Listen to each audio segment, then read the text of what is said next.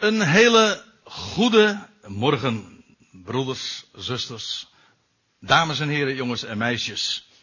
En als ik zeg een goede morgen, dan bedoel ik ook echt een goede morgen. Niet zoals ik van de week ergens op internet las over het uh, journaal dat altijd begint met goedenavond. Want de volgende 10 of 15 minuten die, is, die vormen meestal een uitleg van waarom het helemaal geen goede avond is. Maar als wij zeggen tegen elkaar goedemorgen, dan bedoelen we dat ook zo. Waarom? We hebben een goede God. We hebben een geweldig goed woord.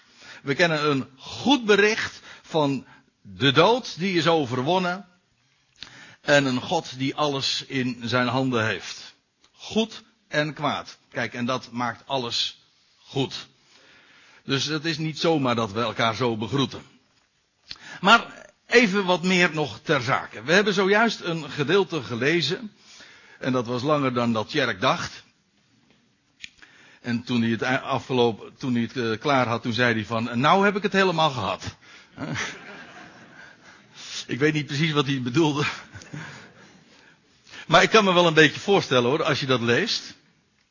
Dat uh, 21ste hoofdstuk van 1 Samuel. Want het is een hoofdstuk dat als je dat aandachtig leest, ik weet niet hoe u hier zit en hoe aandachtig u hebt meegelezen, maar dat roept toch wel wat vragen op. op. En een van de vragen die je daarbij zou kunnen stellen, en dat is misschien wel de meest, de meest voorkomende vraag die, die naar boven komt, bij verreweg de meeste. Hoe kan een man, die in de Bijbel toch de boek staat als een, een man naar Gods hart, David, die zo'n grote rol speelt in het hele, de hele Bijbelse geschiedenis, in alle betekenissen die daar nog weer aan vastzitten. Hoe kan een man naar Gods hart zulke dingen doen? Hij liegt. Dat hebben we allemaal in dit hoofdstuk gelezen. Hij liegt. Hij eet brood wat verboden was. Hij stelt zich aan als een krankzinnige. Hij verlaagt zich. En hoe kan hij daarin voor ons nou een voorbeeld zijn? Want zo, met die mindset zeg maar, lezen een heleboel mensen toch de Bijbel. Ze pakken een bepaalde passage en denken daarbij en stellen zich de vraag, wat kan ik hier nu van leren? En wat heeft het mij te zeggen? En hoe kan ik hieraan een voorbeeld ontlenen? En daar raak je met die opzet teleurgesteld in. En wat ik u vanmorgen wil gaan vertellen, is dat deze geschiedenis, en dit is geen uitzondering, maar dat is juist regel daarin, dit is niet een voorbeeld voor ons. Ik zeg niet dat er helemaal geen voorbeelden in zijn voor ons, ongetwijfeld, maar dat is niet de clue van dit gedeelte. En in de Bijbel in het algemeen. Wij denken, wij lezen alles zo heel erg ethisch. Ik kom daar straks nog even op terug. En dan denken we in termen van, is dat nou wel goed of is dat niet goed? En we leggen dan de, onze ethische maatlat langs het leven, in dit geval van, van David. En zeggen, nee, dat deugt niet en dat deugt niet. En daarmee zijn wij nog zo heel wettisch in ons denken. En Tjerk die zei er eh, in de inleiding al wat over. Over, ja, over de prediking en over dat, uh, over de, verveling. Maar ook dat in, in een schabloon gedrukt worden. Zoals dat zo dikwijls gaat in godsdienstig, ook in de christelijke wereld. En dat heeft daar allemaal mee te maken. Met zo'n hele wettische manier van de Bijbel lezen. En laat ik u dit zeggen. En want ik moet wel goed ter zake komen, we hebben een heel gedeelte te lezen. Dit gedeelte, laat ik het als een one-liner dan neerzetten. Dit gedeelte is niet een voorbeeld voor ons. Het is een voorbeeld van Jezus Christus, de zoon van David. En dit gedeelte is geschiedenis. Het vertelt iets over een man die pakweg 3000 jaar geleden leefde. En het zijn geweldige geschiedenis als je je daarmee bezighoudt. Het zijn, het zijn, uh, het zijn spannende verhalen en ja, je, je leest het uh, met, met, met, met groot genoegen, maar ook met spanning lees je, lees je zo die hele biografie zeg maar van, van David. Inderdaad. Maar het is niet alleen maar geschiedenis. Natuurlijk, die man heeft geleefd, die heeft het allemaal meegemaakt. Maar het is geen geschiedenis primair, het leeft. Zo'n bijbelgedeelte gaat leven, en ik bedoel dat veel letterlijker dan dat ik, dan dat je misschien zo op het eerste gezicht zou denken. Dit gedeelte gaat leven doordat je onder de oppervlakte iemand anders gaat zien die daadwerkelijk leeft. Niet over een man die inmiddels zoveel jaren geleden gestorven is. Nee, iemand, hij, het verhaal wijst op iemand die nu leeft. De zoon van David. De grote overwinnaar. Nou, ik kom daar straks nog op terug. Kijk, en dan wordt zo'n, worden die dode letters, zo'n oude geschiedenis, oké, een spannend verhaal. Maar ethisch zitten we er al erg mee in onze maag. Maar daar gaat het allemaal niet om. Het gaat erom dat we daar in aanraking komen met die ene persoon waar heel de Bijbel naar verwijst. En zulke, zulke prachtige verhalen wijzen op de levensvorst, de grote overwinnaar die straks zal komen als de grote koning van Israël. Maar die ooit geboren werd in de velden van Ephrata, net als David trouwens. Kijk, en dan gaat zo'n gedeelte met recht levend worden. En laat ik, om het even een klein beetje ook in perspectief te plaatsen, een, kort overzicht geven. De geschiedenis van David die vangt aan in hoofdstuk 16 van ditzelfde Bijbelboek, 1 Samuel. Daar lees je dat David een herdersjongen is, en geboren in Bethlehem, woonachtig in Bethlehem, en hij wordt daar tot koning gezalfd. Dan vervolgens hoofdstuk 17, we hebben er zojuist nog over gezongen. En ik ga het er straks ook nog even over hebben. De geschiedenis van David die Goliath overwint. Nou, daar hoef ik verder niks over te vertellen. Bekend genoeg. Maar laat ik u ook dit zeggen. Al deze dingen, daar zit, daar zit een dubbele bodem in. En alles wat ik over David zeg, dat zeg ik feitelijk over de zoon van David. U bent gewaarschuwd. Alles wat ik vanmorgen zeg, dat, dat is, dat is maar niet alleen waar met betrekking tot de geschiedenis, maar het gaat over degene waar hij naar verwijst. David overwint Goliath. Dat is hoofdstuk 17. Dan hoofdstuk 18 en 19. David vlucht voor aanslagen van Saul. Dat zijn heel wat geschiedenissen. Ook prachtige verhalen. Daar komen we ongetwijfeld nog wel eens een keertje bij een andere gelegenheid op terug. Hoofdstuk 20. Dan lees je dat, ja, in uw Bijbel staat er dan boven, dat David een verbond sluit met de zoon van Saul, namelijk Jonathan. Eigenlijk gaat het erover dat David zich daar twee dagen verborgen houdt in het veld. Ja. Over die twee dagen zullen we het straks uh, ook nog even hebben, want daar ontkomen we ook niet aan. En dan in hoofdstuk 21, en dat is dus het hoofdstuk waar we het nu vanmorgen over hebben. In, in het eerste gedeelte gaan we het hebben over David in het heiligdom, in Nop. En nu was ik tot een paar uur geleden nog van plan om dat tweede gedeelte er ook nog bij te betrekken. Maar dat werd toch echt te veel. Namelijk dat die geschiedenis, dat David dan vervolgens naar de, de, de Filistijnen gaat. Uh, ja. En komt hij in gat terecht. En dan gedraagt hij zich daar als een dwaas. Ik zou dat erbij betrekken, maar eh, zoals gezegd, dat, uh, dat gaat uh, niet worden. Dus dat parkeren we gewoon voor een volgende gelegenheid. Nou treft het toeval dat ik over vier weken hier weer ben. Dus dan beloof ik bij deze dat we dan die geschiedenis uh, eens zullen bespreken. Dus dat is een korte serie, zeg maar. Daarover. We beperken ons nu vanmorgen dus tot die geschiedenis dat David daar in Nop komt. En waarom kwam hij daar dan? Nou, dat was niet voor Nop. Hm? Nee, hij kwam daar met een speciale reden. Nop betekent trouwens vrucht. Anderen zeggen hoge plaats, hoge plaats. En in beide gevallen begrijp ik dat heel goed. Maar dat bedoel ik dan ook weer met die dubbele bodem.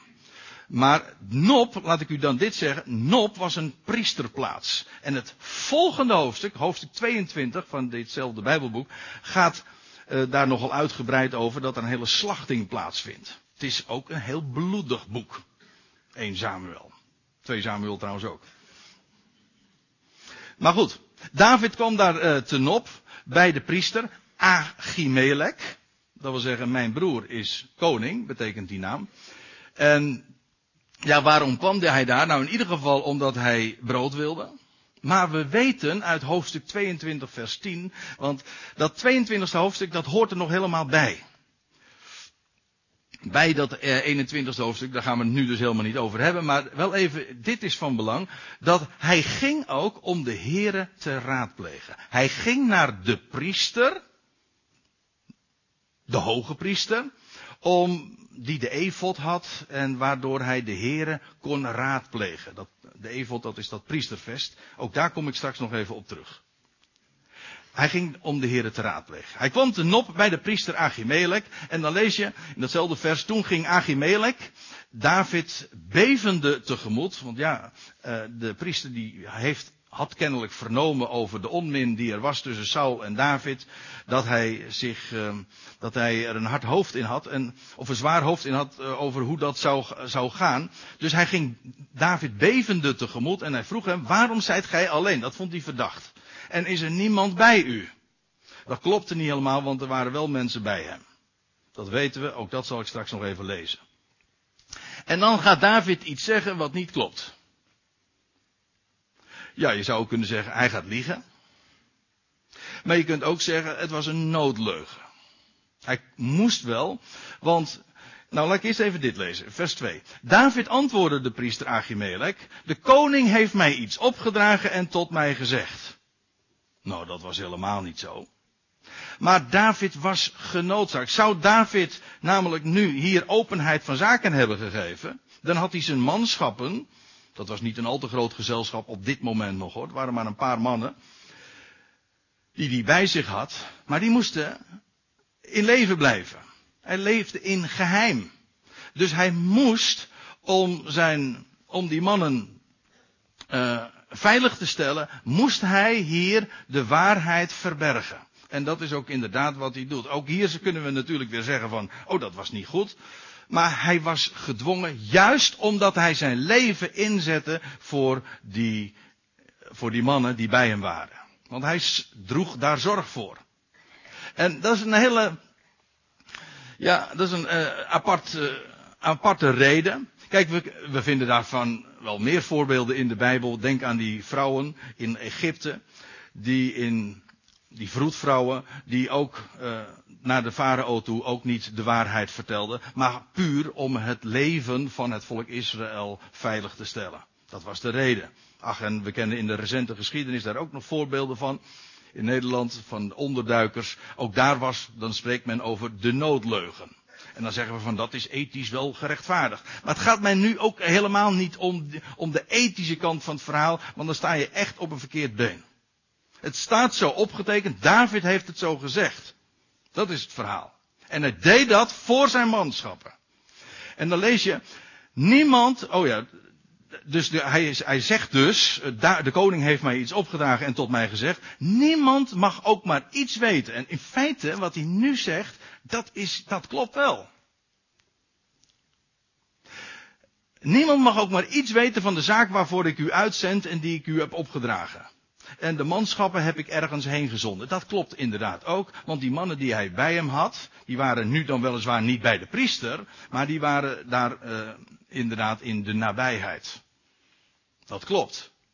Maar alles in dat leven van David gedurende de tijd dat hij gezalfd was tot koning en vooral toen hij eenmaal de overwinning had behaald op Goliath, toen werd Saul zijn grote rivaal moet eigenlijk omkeren. David werd de grote rivaal van Saul. Ja. En vanaf die tijd leeft hij in het diepste geheim. Top secret was alles wat hij toen deed. In die tijd van verwerping, totdat hij daadwerkelijk koning zou worden. Want laten we, we gewoon dit vaststellen. David is dus die man uit Bethlehem, die goede herder. Want dat was hij. Hij zette zijn leven in voor de schapen. En hij schuwde het zelfs niet om de leeuw en de beer daarbij te verslaan. Het was een, een herder die uit, uit, één, uit één stuk, een echte vent, hm? nou ja, ik wou zeggen, een ongetemde man. Hm? Een echte kerel, ja. En, maar hij was die man die gezalfd was, tot Mashiach was geworden, Messias. Hij, is de, had de overwinning behaald, maar het zou nog een hele tijd duren voordat hij daadwerkelijk koning zou worden over Israël. Zie daar, als ik het zo vertel, dan begrijpt u meteen de link met de zoon van David, die ook gezalfd is. Hij is bestemd om iets te zijn, maar duurt nog steeds tot hij, totdat hij daadwerkelijk die functie ook zal vervullen. En dit is de tijd van de verwerping. Dat hij in de verborgenheid is. En alles is secret. Alles is verborgen. Het is ook een geheime periode. Waarin geheimenissen worden verteld. Waarin zijn koningschap helemaal niet gezien wordt. Ondanks liederen die we wel eens een keer zingen over dat hij regeert en we zien het. Nou vergeet het maar, je ziet er helemaal niks van. En dat is ook helemaal niet de bedoeling. Het, is, het punt is juist, deze zoon van David is verborgen. En hij heeft een aantal mensen om zich heen. Dat waren trouwens ook echte kerels hoor. En die, hadden, die schulden het avontuur ook niet, want het is natuurlijk niet niks om dan de zijde te kiezen van deze David. Die verworpen werd, was door de, door de koning, die op zijn hielen gezeten werd, maar hij had mannen om zich heen. Dat gezelschap werd later nog veel groter. Nou ja, waren dat allemaal echte mannen? Dat weet ik niet. Je leest in elk geval dat het, uh, het waren mensen die dik in de, hoe zeg je dat nou netjes, in de problemen zaten. Of ze hadden schuldeisers. Of uh, mensen die in conflict leefden. Dat lees je dan later in 1 Samuel 23. Die mannen van Adullam. Ook in een, in een spelonk bivakkeerde men. En hier ook al. Mannen die, maar die zich realiseerden, deze David, hij is degene geweest die de overwinning op Goliath heeft behaald. En God heeft hem uitgekozen. Zij wisten wat God voornemens was met hem. En al had dan alle schijn tegen. En was David zijn leven niet zeker. Zij wisten, wat David ook wist. God heeft mij hiertoe geroepen. En al spreekt alles dat tegen. En al verwerpt iedereen het. Zo wat? Als hij voor mij is, wat, wat of wie kan er dan tegen mij zijn? Kijk, dat zijn echte mannen. En alles was geheim. En ik, als ik het zo zeg, dan denk ik van ja, dat is een plaatje ook van de tegenwoordige tijd. Ik herken mij, en ik hoop u ook, in die mannen die aan de zijde van, van David stonden. Toen. Toen hij absoluut niet populair was. Toen hij zijn leven niet zeker was. Toen hij alles in het geheim moest doen. Wel, dat was die David en dat was dat gezelschap om hem heen. Nou, die uh, David gaat verder. Hij is daar dus bij die priester in dat heiligdom. Want toen de tijd was de. Ta- er stond nog geen tempel natuurlijk. Er was uh, de tabernakel en die stond daar in die plaats Nop. Vandaar dat dat ook een priesterplaats was. Daar woonden ze toen de tijd. Nou, nou vraagt David, nu dan, wat hebt gij voor handen? Geef mij vijf broden mee, of wat er maar is. Ja, ik denk dan meteen van, of twee visjes. Hè? Dat kan ook nog. Want als dat in de handen van, uh, van David dan komt, dan komt dat wel goed.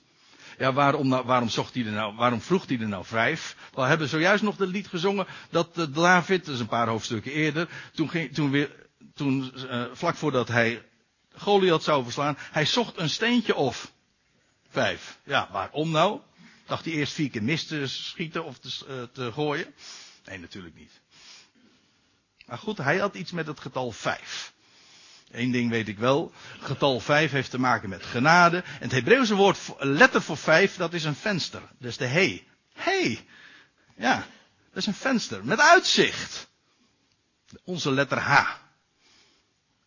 Het heeft alles te maken met genade en met uitzicht dat God geeft. Maar lees even verder met mij. David vraagt dus brood, want hij was al een paar dagen op, op veldtocht.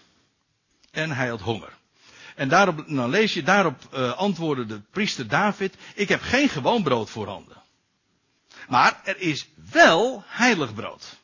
En wat bedoelde hij met dat heilige brood? Nou, dat is dat brood dat in het heiligdom lag. Kijk, je hebt in de tabernakel heb je twee afdelingen. Je hebt het heilige en het heilige der heiligen. In dat heilige, daar stonden drie voorwerpen. Je had daar de, de gouden kandelaar, die menorah. Je had de, het reukofferaltaar en je had daar een, een houten tafel met, met zuiver goud overtrokken. En Op die tafel, daar werden wekelijks, op de Sabbat namelijk, twaalf broden, twee stapels van zes, geplaatst. En elke week werd dat ververst. Dat brood, dat lees je in, in het boek Leviticus. En Numeri, als ik me niet vergis.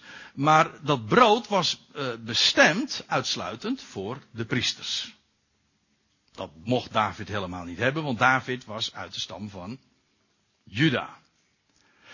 Dus dat brood was helemaal niet voor hem. Maar die Achimelech, die zegt van nou, uh, ik heb geen gewoon brood, er is wel heilig brood. Die Achimelech, ik weet, wat hij allemaal begrepen heeft, weet ik niet. Het kunnen natuurlijk ook puur menselijke motieven geweest zijn van angst, uh, waardoor hij toch David uh, niet heeft willen teleurstellen. Daar blijf ik van af, maar één ding weet ik wel, ook hier geldt weer, het gaat er niet om de vraag, was het nou goed of niet goed wat Achimelech deed? Het gaat om de betekenis. Hij geeft, want dat is wat hij doet, hij biedt het in ieder geval aan. Ik heb heilig brood. Ja, en hij stelt daarbij één eis als de manschappen, dat wil zeggen als de jonge mannen, uh, zich maar van de vrouwen onthouden hebben. Dat wil zeggen geen gemeenschap hebben gehad met de, met, met vrouwen. Dat God trouwens voor de priester ook, als ze een heilige handeling hadden, uh, moesten verrichten, dan mochten ze uh, daarvoor één of twee dagen geen gemeenschap hebben met een vrouw. Nou, dat is de eis die hij dan stelt. Ze moesten, ze deden, voldeden sowieso natuurlijk al niet aan de voorwaarden. Dat wil zeggen, het waren geen levieten, het waren geen priesters. Dus ze mochten dat brood niet. Maar dan stelt uh, Achimelech eigenlijk als minimale eis van, nou, in ieder geval uh, is het dan toch wel zaak dat ze heilig zijn. Dat wil zeggen dat ze niet recentelijk nog gemeenschap hebben gehad met een vrouw. Dat is wat hij zegt. En dan geeft David daar antwoord op. En hij zegt tot die Achimelech, zeker, de omgang uh, met vrouwen is ons evenals vroeger ontzegd. Nou, even inzoomen op dat evenals vroeger. Als u meeleest in de Statenvertaling, dan ziet u dit staan. En dat is precies ook wat er letterlijker, veel letterlijker staat. Gisteren en eergisteren. Dat wil zeggen, David zegt hier, uh, wij hebben al geen gemeenschap meer gehad met een, met een vrouw al twee dagen. Dat was niet omdat ze nou zo vroom waren, maar gewoon ze waren op veldtocht, ze waren gewoon weg. Hm? Ja. Maar waarom staat dat er nou zo? Nou kun je ook hier natuurlijk weer gewoon dat wettisch lezen, maar je kunt ook lezen, God heeft hier iets mee te zeggen. En het is profetische waarheid. Laten we die draad gewoon vasthouden. Daar kom je nooit bedrogen mee uit als je ervan uitgaat dat al de schrift getuigt van hem. En van Gods wegen. Dit is maar niet een of andere uh, vroom uh, wetgeving dat dat niet mocht. Nee, het heeft een betekenis. Het wijst vooruit. En ik zal u dit vertellen. Dat die twee dagen waar David naar verwijst, dat er geen gemeenschap is geweest met een vrouw. Dat komen we ook elders tegen.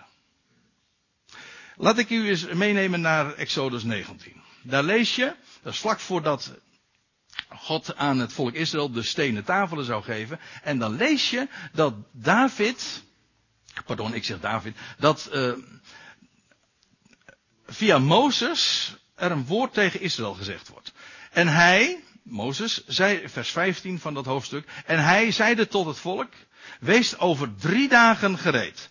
Nadert niet tot een vrouw. Dat is wat hij tegen de mannen onder het volk zegt. En het geschiedde op de derde dag, toen het morgen werd, dus bij zonsopgang, dat er donderslagen, bliksemstralen en zware wolk op de, berg, op de berg waren en zeer sterk bazuingeschal, de shofar klonk, zodat al het volk dat in de legerplaats was, beefde.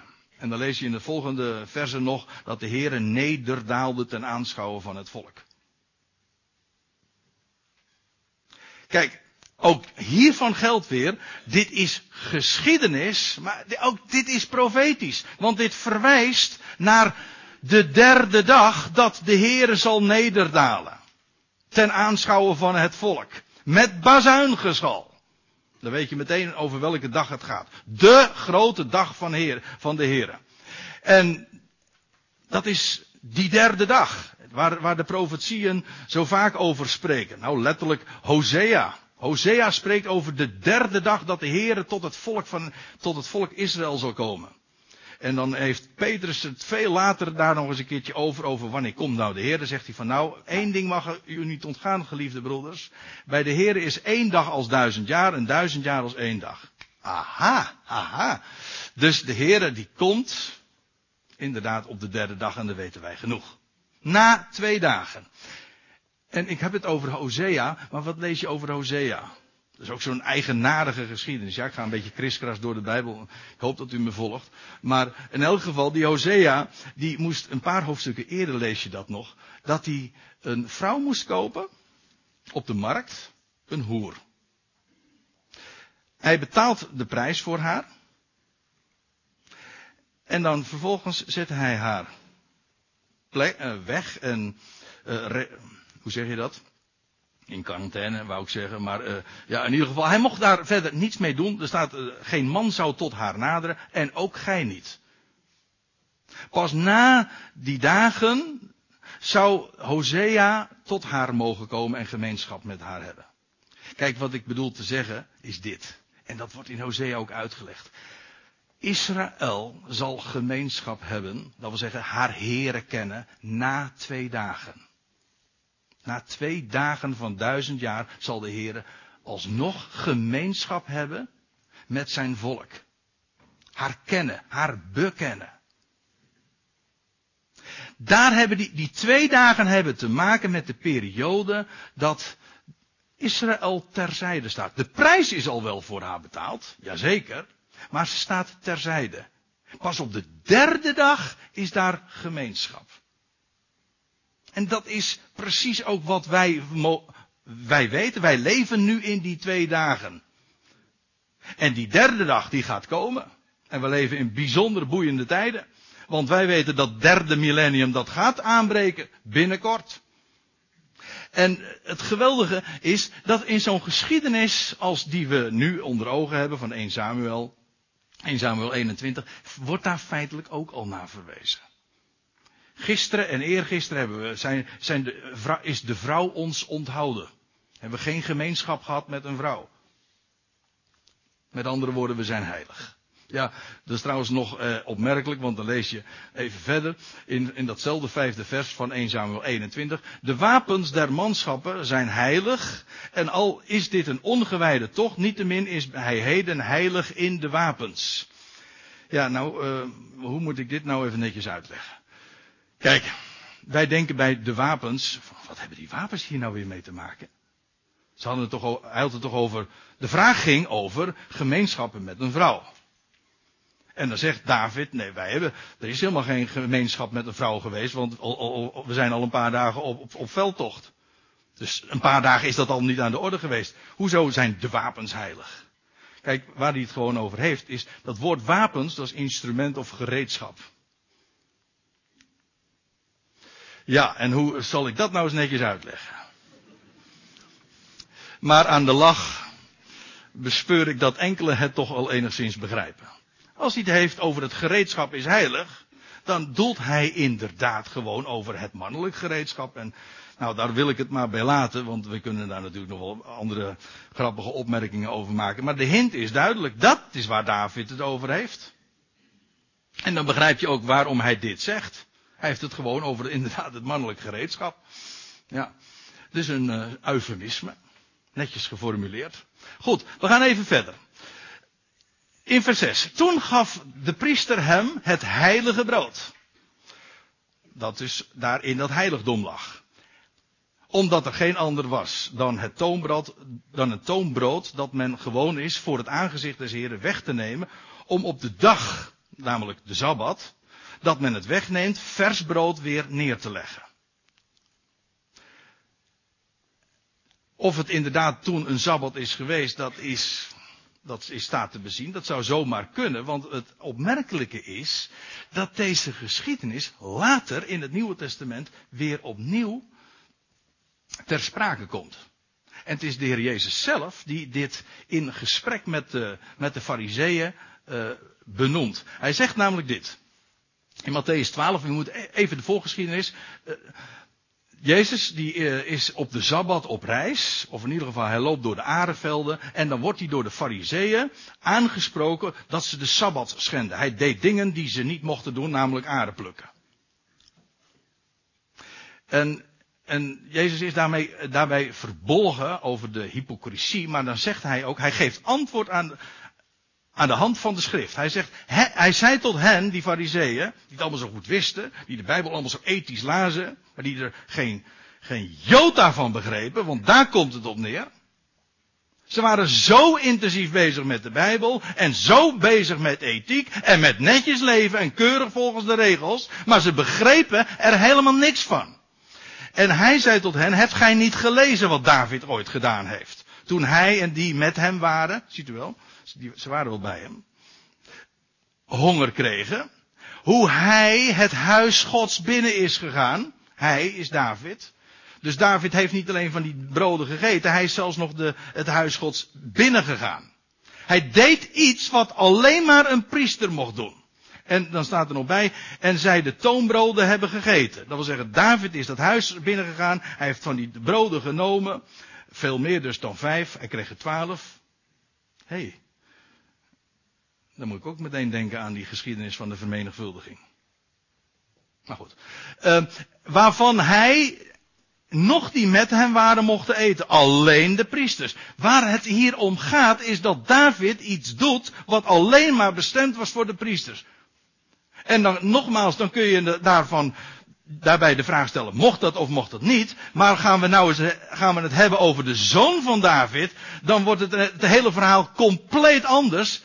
Want dan vergeet je alle ethiek en dan zeg je, halleluja, geweldig dat dit, dit spreekt van hem, die inderdaad de zoon van David is, uit het huis, uit het huis van Bethlehem afkomstig is, gezalfd is, de overwinning behaald heeft. Maar wat lees je nog meer van die zoon van David? Hij was gesteld, lees het maar na, David zelf profeteert dat al in Psalm 110. Hij zou koning zijn, de zoon van David zou koning zijn, maar ook priester naar de ordening van Melchizedek.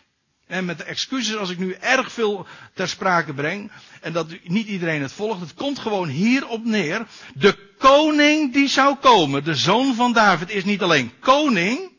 Maar hij is ook priester. In, onder de wet was het onmogelijk. Want een priester die kwam uit de stam van Levi. Een koning die kwam uit de stam van Juda. Dus die twee konden nooit, die twee functies konden nooit in één persoon verenigd zijn. Maar de Bijbel profeteert al dat de zoon van David wel degelijk beide functies zal vervullen. En koning zou zijn en priester.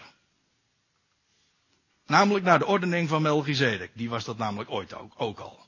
En van hem lees je al ver honderden jaren voordat de wet kwam. Die was koning en priester. Nou ja, één ding moet duidelijk zijn. Deze geschiedenis, wat David hier doet, was naar de wet niet correct. Maar profetisch past dit perfect in de, bij de zoon van David. Wij kennen hem die gesteld is tot koning. Maar wat doet hij vandaag in deze tussentijd? Weet u wat hij doet? Inderdaad, alles is secret. Alles is verborgen. Hij is verworpen. De, de bruiloft, de gemeenschap met de vrouw wacht nog. Tot de derde dag, dat is waar. Maar ondertussen zorgt hij voor zijn manschappen. En wat geeft hij hen? Brood. Brood uit het heiligdom. Vijf broden, ja. Nou, u weet wat er gebeurt met de, als, als, als hij brood, uh, zoveel broden in de handen krijgt. Hè? Dan maakt hij er overvloed van. Hij deelt dat. Want, als, want het is genadebrood. Vijf, vijf, nou ja, dat vroeg hij. Maar in ieder geval, hij deelt dat levensbrood uit. En dat is een prachtig plaatje van de tegenwoordige tijd. Waarin wij iemand kennen, de zoon van David, die geplaatst is nu. Die het hemels heiligdom is ingegaan. Als ware hij een priester.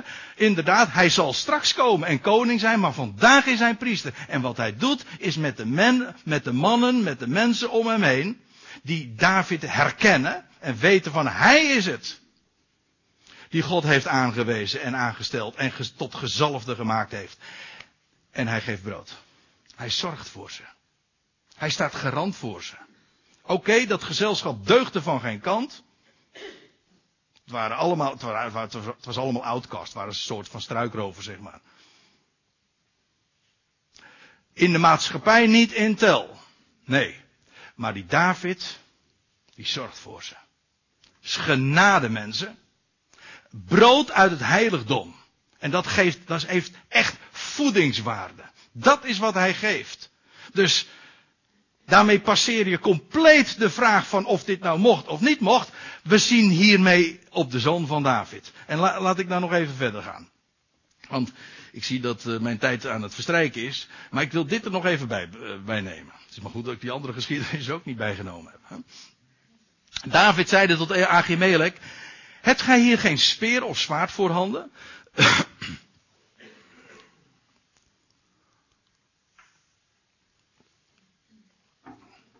Hebt gij hier geen speer of zwaard voor handen? Want ik heb nog mijn zwaard, nog mijn andere wapens kunnen meenemen. Dat klopt. Hij was helemaal.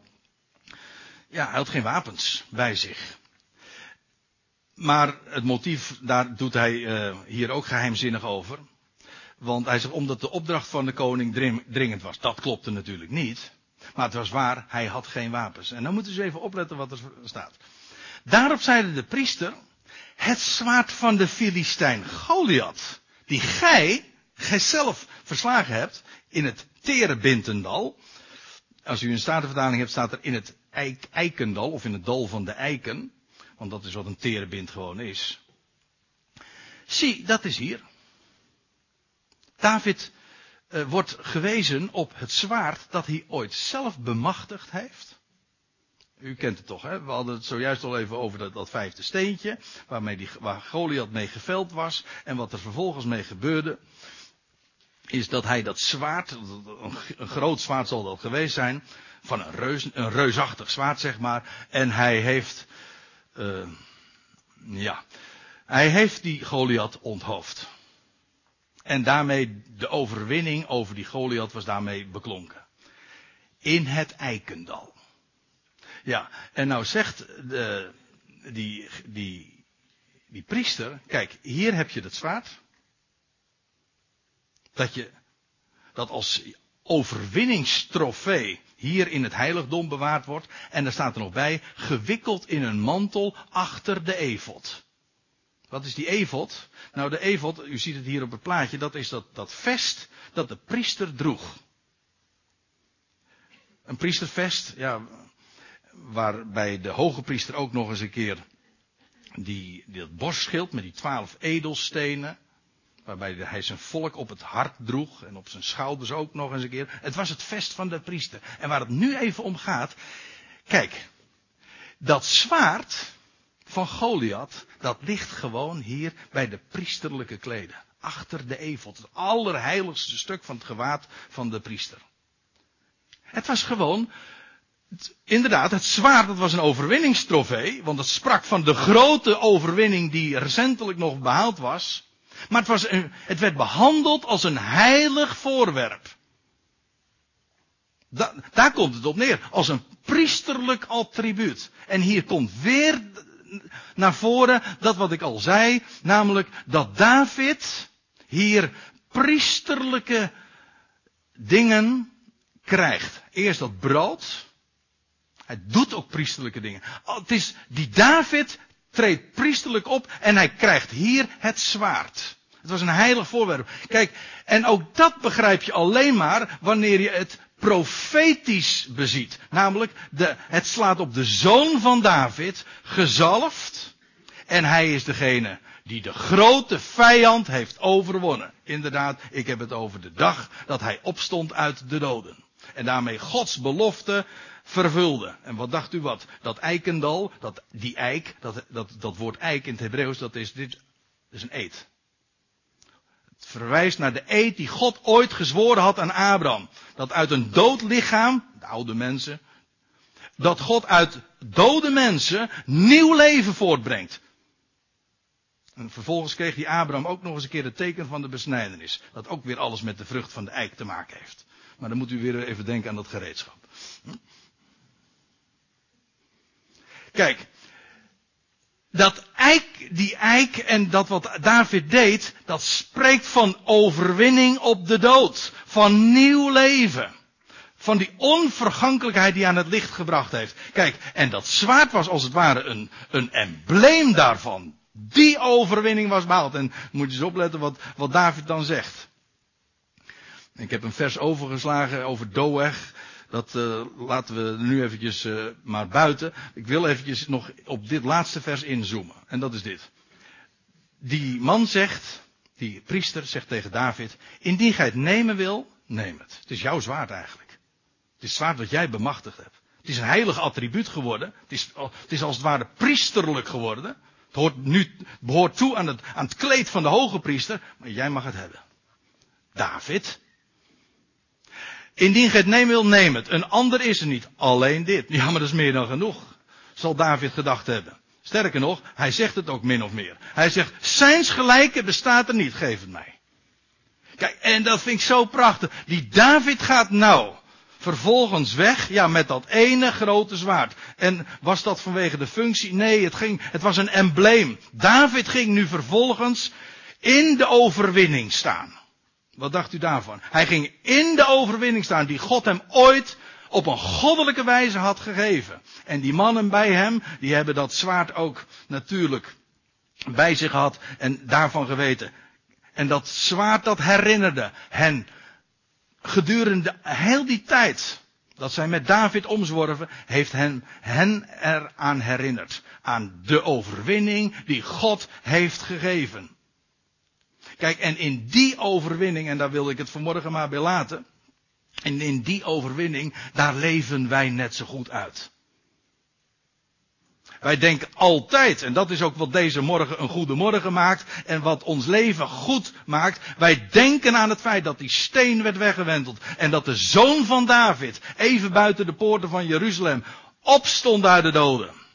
En zo een God, als het ware, een lange neustrok naar de dood en naar alle vijanden. Hij overwint. En hij zal het op zijn tijd ook gaan openbaren. En in die overwinning leven wij.